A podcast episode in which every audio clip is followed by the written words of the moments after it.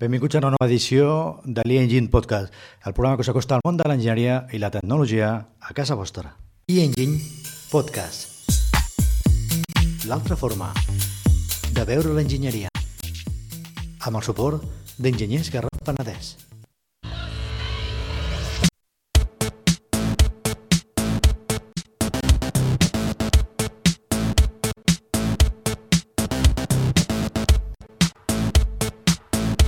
Doncs avui parlem de tecnologia, no de la banda de l'enginyeria dedicada amb la tecnologia, sinó que parlem de tot allò que afecta a molts mons de la tecnologia, que és la prevenció de riscos laborals. I avui parlem bàsicament amb el Rafa Segovia, que és un psicòleg i tècnic de prevenció de riscos laborals, eh, i que intervendrà d'aquí molts pocs dies a lo que serà el RISCAT, el Congrés de Riscos Laborals. Saludem ja al Rafa Segovia. Rafa, benvingut. A veure que et, sen et sentim. Hola, Rafa, benvingut. Bon dia, Xavi, un plaer. Gràcies per estar aquí amb nosaltres, per compartir amb nosaltres eh, aquesta estona amb aquest podcast que dediquem a parlar de tecnologia i en aquest cas parlem algo que va molt lligat amb la tecnologia, perquè qualsevol món de l'enginyeria, de la construcció, de les instal·lacions, va molt lligat amb la prevenció de riscos laborals. Com mm. dèiem, eh, el Rafa Segovia és psicòleg i tècnic de prevenció de riscos laborals i farà una ponència al RISCAT que es diu Impacte psicosocial de la Covid-19 en els treballadors. Aquest any ha estat un any molt complicat, no? molt intens.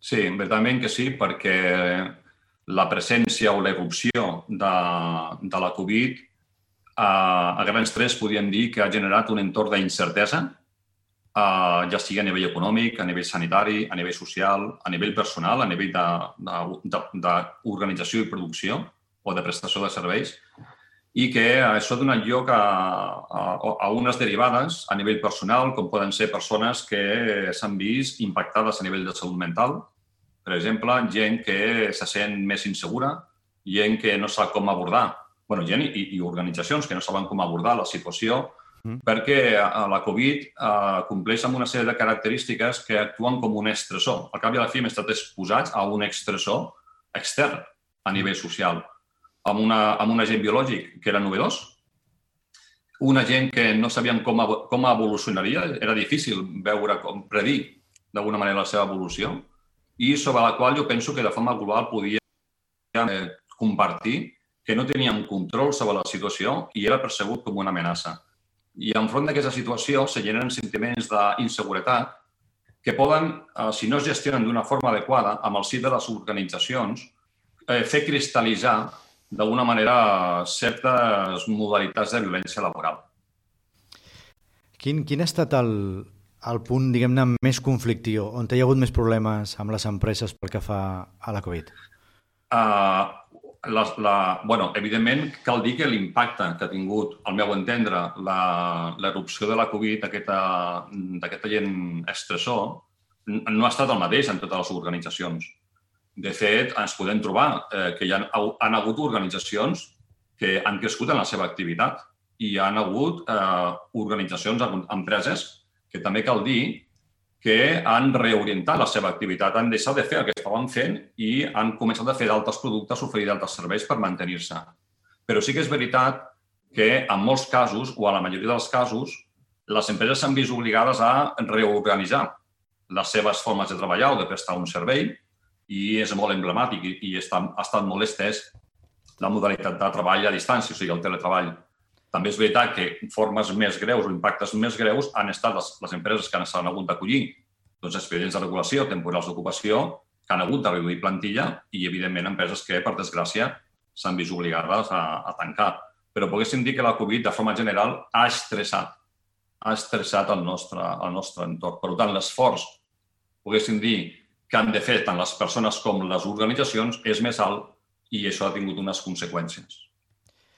Um, cap, a com, cap a on podia, o estarà enfocada la teva ponència? Cap a on estarà enfocada? Mira, justament, eh, Xavi, la meva ponència volia tractar justament eh, un dels riscos eh, als quals estem exposats a les persones amb el decurs de la nostra activitat professional, que és el risc associat a la violència laboral. I en concret, amb una modalitat específica de violència laboral, que seria l'assetjament eh, laboral en qualsevol de les seves formes de manifestació. És a dir, el que seria l'assetjament psicològic o el moving, que segurament tots hem sentit parlar d'ell, l'assetjament sexual, l'assetjament per raó de sexe i o gènere o d'altres modalitats discriminatòries com podien ser per edat o podien ser per eh, etnia, lloc de procedència o conviccions eh, ideològiques X eh, o creences religioses. És molt llavors, important... Ah, digues, digues. No, llavors la idea és justament fer una reflexió sobre aquest fenomen, veure quin és l'impacte que, que, que ha tingut a nivell organitzatiu i a nivell eh, psicosocial per les, pels treballadors i treballadores i a partir d'aquí la idea és, després de fer aquesta reflexió, fer una proposta o oferir una proposta de mesures tant des del vessant preventiu com des del vessant, poguéssim dir, correctiu. Um, Rafa, existeix molta incidència de la violència laboral? Hi ha molts casos de, de violència laboral? Uh, sí, mira, si agafes, tot i que no té, les, bueno, si agafem estadístiques oficials, en concret de la sisena enquesta uh, de condicions de treball uh, a nivell europeu, que estan, van, estan publicades a l'any 2017, si suméssim les diferents modalitats de violència, és a dir, violència física, amenaces, assetjament, intimidació o ofenses verbals, doncs estarem al voltant d'un 19% d'exposició. Però que aquest, aquest increment, eh, eh, perdó, aquests percentatges s'incrementen, per exemple, amb el sector serveis i també amb el sector de la, del sanitari, de la salut. Per què? Perquè en molts casos hi ha molta interacció, evidentment, amb usuaris, usuàries, clients, que poden actuar com a subjectes actius d'aquesta violència. Perquè és important entendre que la violència no és només, la violència laboral no és només la que es dona entre els propis integrants de la pròpia organització, entre ells mateixos o elles mateixes, sinó també la violència pot venir donada per persones, d'alguna manera, que són usuàries d'aquesta organització, d'aquest servei. I... O sigui, és un risc, poguéssim dir, greu, és un risc significatiu, present, i també cal dir que no se fa un abordatge eh, integral, no es fa un abordatge adequat. Penso que els abordatges que es fan són parcials. I es van solucionant aquests casos de, de violència laboral? Doncs pues depèn, mira, això depèn. Uh, depèn, perquè la casuística és molt diversa. De fet, hi ha molts casos, um, i, i si concretem, per exemple, amb els casos d'assetjament laboral, en molts casos que ni tan sols en moltes ocasions són denunciats internament a les organitzacions. Per tant, eh, i els, és veritat que els casos i els casos que es denuncien, i no, no puc fer una generalització perquè, no, evidentment, cada empresa és un món, però sí que és veritat que de vegades no es dona, no es fa l'afrontament o no se fa un afrontament o una intervenció sistematitzada, rigorosa i objectiva. No es fa. Doncs de la violència laboral parlarem a la ponència que farà el Rafa Segovia, que si no recordo malament és el primer dia, el dia 6 a 3 quarts d'onze, serà online i per tant ja sabeu que us podeu connectar de forma molt fàcil entrant a arriscat.cat, us connecteu, eh, tindreu l'enllaç i a partir d'allà podeu parlar també si hi ha alguna preguntes pel Rafa. El Rafa també eh, ha publicat una guia pràctica de 25 passos per abordar les denúncies internes por acoso en el entorno laboral. Sí. Eh, sí, sí. És, un, és, és una guia pràctica que, sí. que es pot trobar fàcil. Pràct... Sí.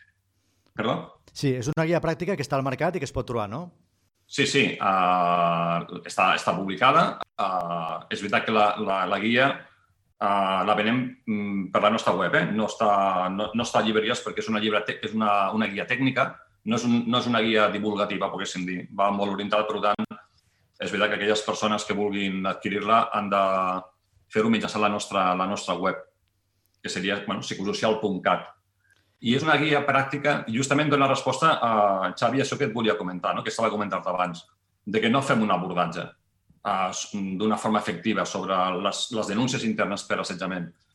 Uh, tu veus, a, a, és a dir, uh, generalment quan hi ha una denúncia interna, hi ha algunes organitzacions, i depenent també del tamany, evidentment, de l'estructura que tingui aquella organització, doncs eh, s'han creat unes comissions que són les encarregades d'investigar. O sigui, s'han designat algunes persones encarregades de fer la intervenció sobre aquell fet denunciat. Però què ens, què ens hem trobat? Que designes a una sèrie de persones que han de, de desenvolupar una sèrie de, de funcions, però no va lligada en molts casos amb la capacitació, amb la formació de com fer-ho. Per tant, tens persones que han de gestionar una situació, han de donar resposta a una situació sense el coneixement necessari per poder fer. D'acord? I, això, I aquesta guia vol intentar respondre, vol guiar, vol orientar a totes aquelles persones que participen amb els processos d'investigació justament a fer investigacions sistematitzades, objectives i rigoroses. Per tant, pel que dius, falta formació per, tirar, oh. per solucionar aquests temes, no? Sí, molt. Però també cal dir, també cal dir a banda que falta formació, i és, és obvi que falta, eh, de fet, part de la nostra activitat professional és formar a integrants de, de, de comissions perquè justament puguin fer la seva feina, però també cal dir que, clar, que el fenomen de l'assetjament, tot i que hem sentit parlar moltes vegades, en moltes ocasions, d'aquest fenomen, no, tampoc està ben acotat, tampoc està ben definit. I de vegades la indefinició d'un fenomen fa també que sigui més complicat fer l'abordatge del, del mateix. Aquest assetjament, tant amb empreses grans i petites, és mm. més fàcil de solucionar amb grans empreses que amb pimes? Uh, no, no, no ho crec. No, no crec que depengui del tamany. De, no crec que depengui del tamany depèn en molts casos més del grau de competència. És a dir, és veritat que una, una gran organització, una de gran tamany, doncs tindrà eh, persones segurament més formades que una PIME, o fins i tot, bueno, més que una PIME, una micro, d'acord? Una microempresa. Eh, eh, difícilment les empreses tenen, eh, microempreses tenen protocols d'actuació. Si tu a la teva organització sou 10 persones o 8 persones, esperar que tinguis d'aquestes 10 persones una persona competent, capacitada per gestionar això és, és, és, un, és utòpic, al meu entendre. Però quan justament a, a aquest, hi ha aquesta mancança, sobretot a, la, a, les, a les micro, més que a les pimes, eh, hem de recórrer, evidentment, als, als serveis de prevenció de riscos laborals que assessoren amb aquestes organitzacions. D'acord? Això és molt important recórrer a aquells, a aquelles entitats que estan especialitzades justament per ajudar a les organitzacions que no tenen prou recursos a gestionar aquest tipus de riscos que són tan específics. Doncs ja ho sabeu, teniu al vostre abast aquest 25 passos per abordar les denúncies internes per a l'acoso en entorn laboral, que l'ha escrit el, el Rafa Segovia, que el tindrem el dia 6 al, al Riscat, i només em queda donar-te les gràcies i ens veiem, si no passa res, a, al proper dia 6. Molt bé, Xavi, doncs un plaer d'haver compartit aquesta estona amb vosaltres. Gràcies, Rafa, ens veiem. Fins ara. Molt bé.